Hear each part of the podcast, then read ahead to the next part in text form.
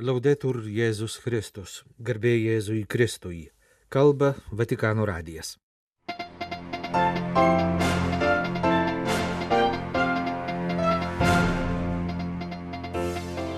Popiežius pasmerkė kandidato į Ekvadoro prezidentus nužudimą ir pareiškė užuojautą jo artimiesiems bei visai šalies visuomeniai. Popiežiaus valstybės sekretorius kardinolas Pietro Parolinas lankosi Angoloje. Naujasis Lisabonos patriarchas pirmą kartą oficialiai kreipėsi į viskupijos bendruomenę, dar gyvenančią pasaulio jaunimo dienų įspūdžiais. Ukrainiečių jaunimą Lisabonoje lydėjusi kunigo žmona papasakojo apie jų grupės susitikimą su popiežiumi. Jeruzalės lotynų patriarchas teigiamai vertina Izraelio valdžios pastangas užtikrinti krikščionims saugumą. Mūsų laidos pabaigoje 19 eilinio sekmadienio Evangelijos komentaras. Gavęs žinę apie kandidato į Ekvadoro prezidentus Fernando Vilje Vicencio nužudimą, popiežius Pranciškus prašo nuncijų Ekvadore perduoti jo užuojautą nužudyto politiko artimiesiems ir visai Ekvadoro visuomeniai. Rašoma iš Vatikano valstybės sekretoriato į nunciatūrą kitą pasiūstoje telegramoje. Smergdamas smurtą, kuris sukelia tiek daug kančių, popiežius prašo visų Ekvadoro piliečių ir visų politinių jėgų susivienijus siekti taikaus sambuvio. Popiežius meldžia Dievą suteikti amžinai atilsį nužudytojam politikui, o visiems jo gedintiesiems suteikia apaštališką į palaiminimą. Popiežiaus valstybės sekretorius kardinolas Pietro Parolinas nuo penktadienio lankosi Angoloje. Jo vizito pagrindinis tikslas - konsekruoti vyskupo angolietį šventojo sosto diplomatą Germano Penemote, neseniai paskirtą apaštališkojų nuncijumi Pakistane. Konsekracijos iškilmė įvyko šeštadienio rūpiučio 12 rytą naujojo vyskupo gimtojoje Ondžyvos vyskupijoje, Angolos pietuose, prie sienos su Namibija. Naujasis arkivyskupas Germano Penemote yra pirmasis angolietis tapęs apaštališkojų nuncijumi. Esi pašauktas būti popiežiaus ambasadoriumi, šventojo sosto ambasadoriumi, Kristaus ambasadoriumi. Tai garbė ir nuostabi misija kreipėsi kardinolas į naująjį nuncijų konsekravimo vyskupų mišių homilijoje. Kardinolas pabrėžė, kad apaštališkojo nuncijaus misija tai visų pirma būti susitaikymo ir taikos tarp tautų ir valstybių, bei vienybės ir solidarumo tarp bažnyčių ženklų. Vykdyti šią tarnystę taip pat reiškia skatinti susitaikymą tarp Dievo ir žmogaus, tarp kurėjo ir kūrinijos, tarp tiesos, teisingumo ir laimės troškimo. Būdamas gerosios naujienos ambasadorius, apaštališkasis nuncijus yra pašauktas skelbti kad žmonija nėra pasmerkta karams ir brol žudiškoms kovoms, bet yra kviečiama priimti Kristaus atneštą susitaikymo žodį, pripažinti vieni kitus broliais ir seserimis, laikytis taikos ir solidarumo kelio, stengtis nuo jo nenuklysti, net susiduriant su sunkumais ir prieštaravimais, galinčiais kilti iš žmogaus ribotumo. Popiežiaus atstovas, sakė kardinolas, turi nenuilstamai skatinti susitaikymą ir taiką visur, kur yra nesutarimų ir konfliktų, įtikinamai skelbti, kad Dievas ir jo meilė žmogui yra taikaus ir teisingo sambuvio šaltinis. Todėl būti taikos ir susitaikymo skatintojų galiausiai reiškia skelbti Dievą, kuris yra meilė. Ačiū tau Lisabona jaunimo sostinė ir vilties mieste, kad nušvietėjai pasaulio dangų džiaugsmu ir sustiprinai širdis visų, kurie su meile tiki gyvenimu. Tavo dienos visada bus susitikimų dienos, o tavo istorija - horizontai, kuriuose kiekvienam atsiras vietos. Rašo savo pirmoje žinioje portugalas vyskupas Rui Manuelis Susa Valerijo. Rūpiučio 10-ąją po ką tik pasibaigusių pasaulinio jaunimo dienų paskirtas Lisabonos patriarchu.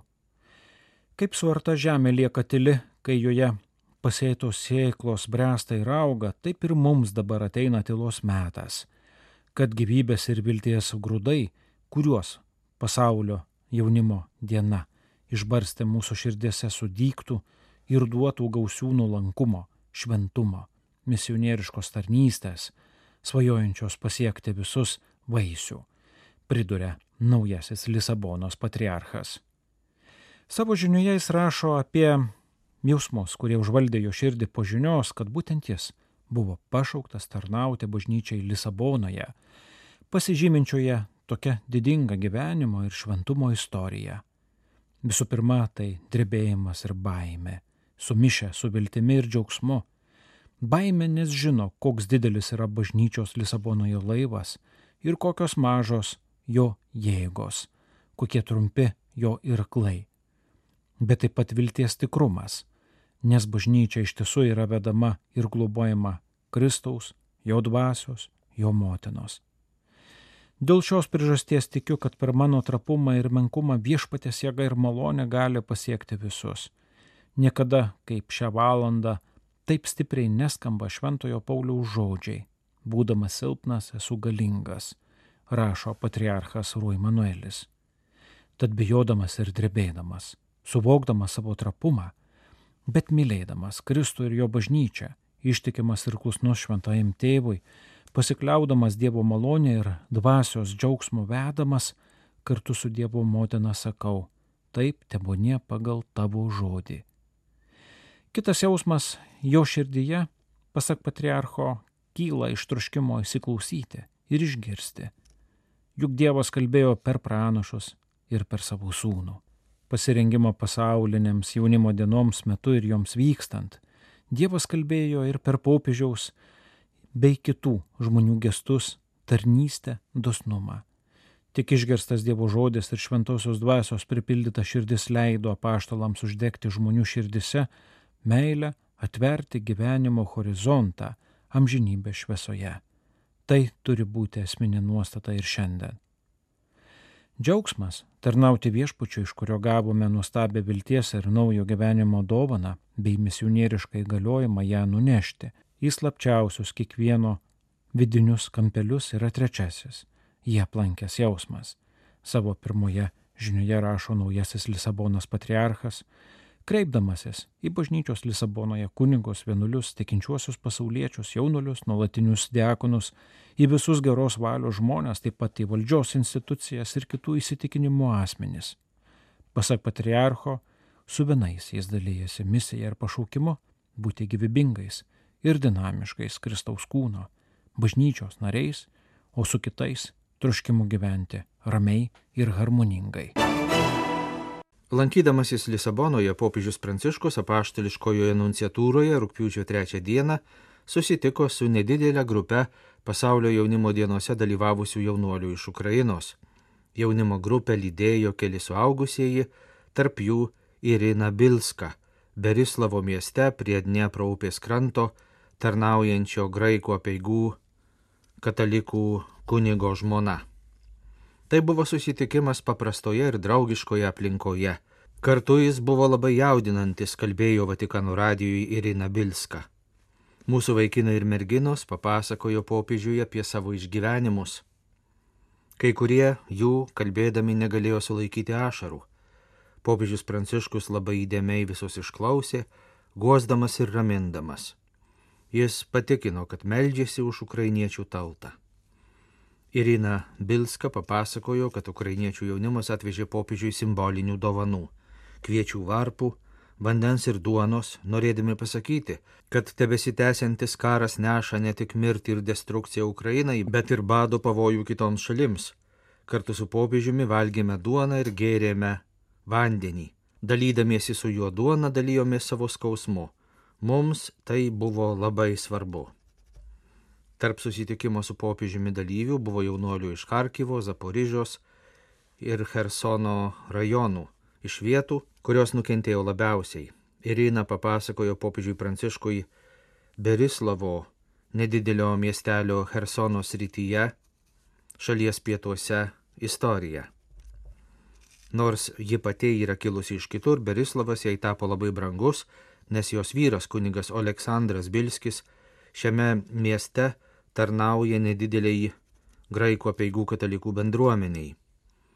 Berislavas yra dešiniajame Dniepro upės krante ir 2022 vasarį jis buvo okupuotas rusų.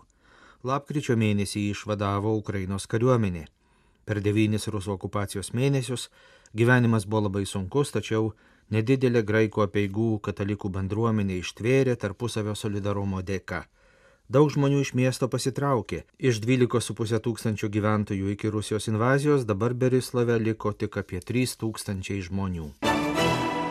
Dabartinis metas sunkus bažnyčiai, sakė Vatikano radijui Jeruzalės lotynų apieigų katalikų patriarchas arkivyskupas Pirbatista Pizzaballa, kuris per rugsėjo 30-osios konsistoriją taps kardinolu.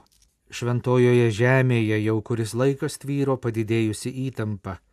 Vis kartojasi jau dešimtmečius trunkantys Izraelio kariuomenės ir policijos susirėmimai su palestiniečiais, taip pat pačiame Izraelyje šiuo metu vyksta politinis konfliktas ir protestai, pastaruoju metu taip pat padaugėjo išpolių prieš krikščionis.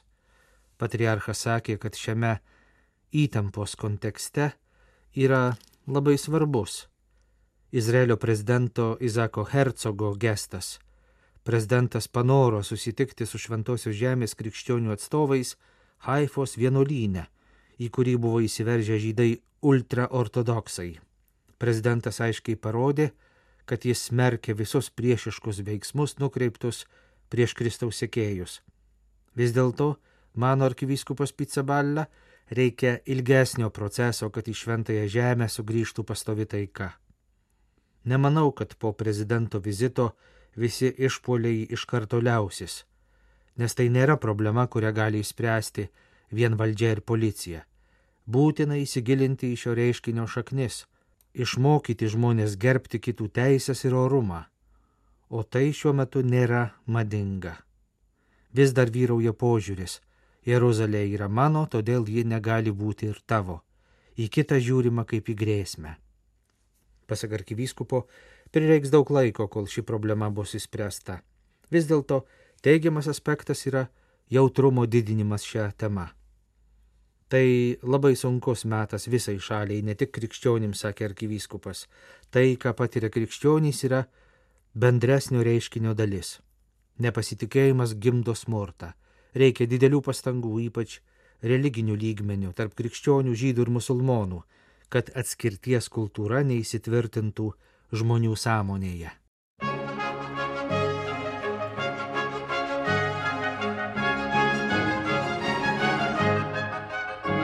Devynioliktasis eilinis sekmadienis iš Evangelijos pagal Matą. To jau po minios pavalgydinimo Jėzus prispyrė mokinius sėsti į valtį ir pirma jo irtis į kitą krantą, kol jis atleisęs minę. Atleidęs minę, jis užkopė nuo šaliai į kalną melstis. Ir atėjus vakarui jis buvo ten vienas. Tuo tarpu valtis jau toli nuplaukė nuo kranto, blaškoma bangų, nes pūtė priešingas vėjas. Ketvirtos nakties sargybos metu Jėzus atėjo pas juos, žengdamas ežero paviršiumi. Pamatę jį einantį ežero paviršiumi, mokiniai nusigando ir manydami, jog tai šmėkla iš baimės ėmė šaukti. Jėzus to jau juos prakalbino. Drąsos, tai aš nebijokite. Petras atsiliepė. Viešpatie, jei čia tu, liepk man ateiti pas tave vandeniu. Jis atsakė, eik. Petras, išlipęs iš valties, ėmė eiti vandens paviršiumi ir nuėjo prie Jėzaus. Bet pamatęs vėjos markumais nusigando ir pradėjęs skęsti sušuko, viešpatie gelbėk mane. To jau ištiesęs ranką Jėzus sugrėbė jį ir tarė, silpnatiki, ko suabejojai. Jiems įlipus į valtį vėjas nurimo. Tie, kurie buvo valtyje, pagarbino jį sakydami, tikrai tu Dievo sūnus. Skaitome 19 eilinio sekmadienio Evangelijos komentarą. Šio sekmadienio Evangelija labai žmogiška. Joje telpa be galo daug emocijų. Čia ir baimė, ir nerimas, viltis, džiaugsmas ir pasitikėjimas, šauksmas ir palengvėjimo atodusis, o viską apvainikuoja žmonių pripažinimas - tikrai tu Dievo sūnus. Pradžioje Jėzaus nėra su apaštalais, vėliau jis pasirodo kaip šmėkla, galiausiai tapdamas ta tvirta ranka, kurios galima įsitverti skęstant. Visą tai pavadintume tikėjimo augimo pavaizdavimu. Gibūdamas kartu su mokiniais, jis yra ir kluotojų jėga, vairininko sumanumas. Jis yra ta dangaus pusė, į kurią krypsta laivelyje esančių akys, tyrinėdamos, ar greitai išauž diena. Viešpatie, jei čia tu, liepk man ateiti pas tave vandeniu, norėdamas išsklaidyti abejonės, prašo Petras. Gavęs Jėzaus atsakymą, eik, jis toj pat žengia į audringą ežerą ir nueina prie Jėzaus. Petras eina vandens paviršiumi, nes žvelgia į viešpatį, o paskui pradeda skęsti, nes mato vėjo stiprumą. Kaip tik tą akimirką Petrą užplūdo baimė. Žmogus žiūri į viešpatį, jo kvietimą ir eina pirmin, o paskui pažvelgia į savo sunkumų bei problemų bangas ir pradeda skęsti liūdesyje. Amžinas vyravimas tarp tikėjimo ir abejonių. Tarsi išganimas tuo momentu yra šauksmas - viešpatie gelbėk. Tai tikėjimo, baimės, mirštančiojo šauksmas, kuris draugė tampa tikėjimo šaltiniu nes bet kokią abejonę gali sunaikinti vienas prašymas, išsakytas naktį, audros metu, vėjui siaučiant, ant kryžiaus.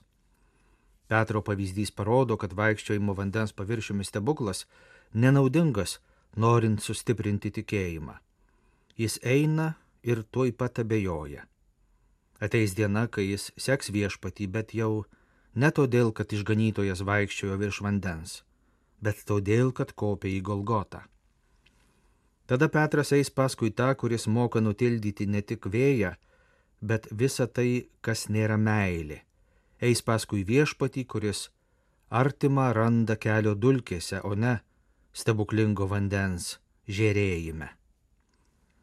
Petras yra mažatikis ne todėl, kad abejotų Jėzaus visagalybę, bet todėl, kad prašo stebuklų kad labiau ieško Dievo galybės negu jo rankos šilumos. Jėzus elgesi priešingai. Jis apkabina kryžiaus silpnybę, kuri tampa begalinę kryžiaus gale, ateidamas padėti kiekvienam ištiktam nelaimės, patekusiam į audros sūkurį, skęstančiam savo baimės bangose. Visuomet, kai pasijuntame nelaimingi ir pasimetę, pas mus ateina Jėzus. Jis ateina ir nepriekaištauja dėl mūsų abejonių, bet tiesia savo ranką, kad galėtume į ją įsitverti. Petro istorija moko mus nebijoti savo menko tikėjimo. Labai gali būti, kad mums reikėjo pradėti skęsti nevilties bangose, kad rastume drąsos pasitikėti Jėzumi ir šauktis jo. Jėzus tikrai ateis, tiesa besibaigiant nakčiai. Jis ateis audringos jūros paviršiumi tačiau po ilgos kovos. Jis ateis, žengdamas per mirtį, į mūsų mažą tikėjimą, kad išgelbėtų visus sudužusio laivo keleivius. Tada baimės ir nevilties šauksmas taps žmogaus ir jo Dievo apsikabinimu.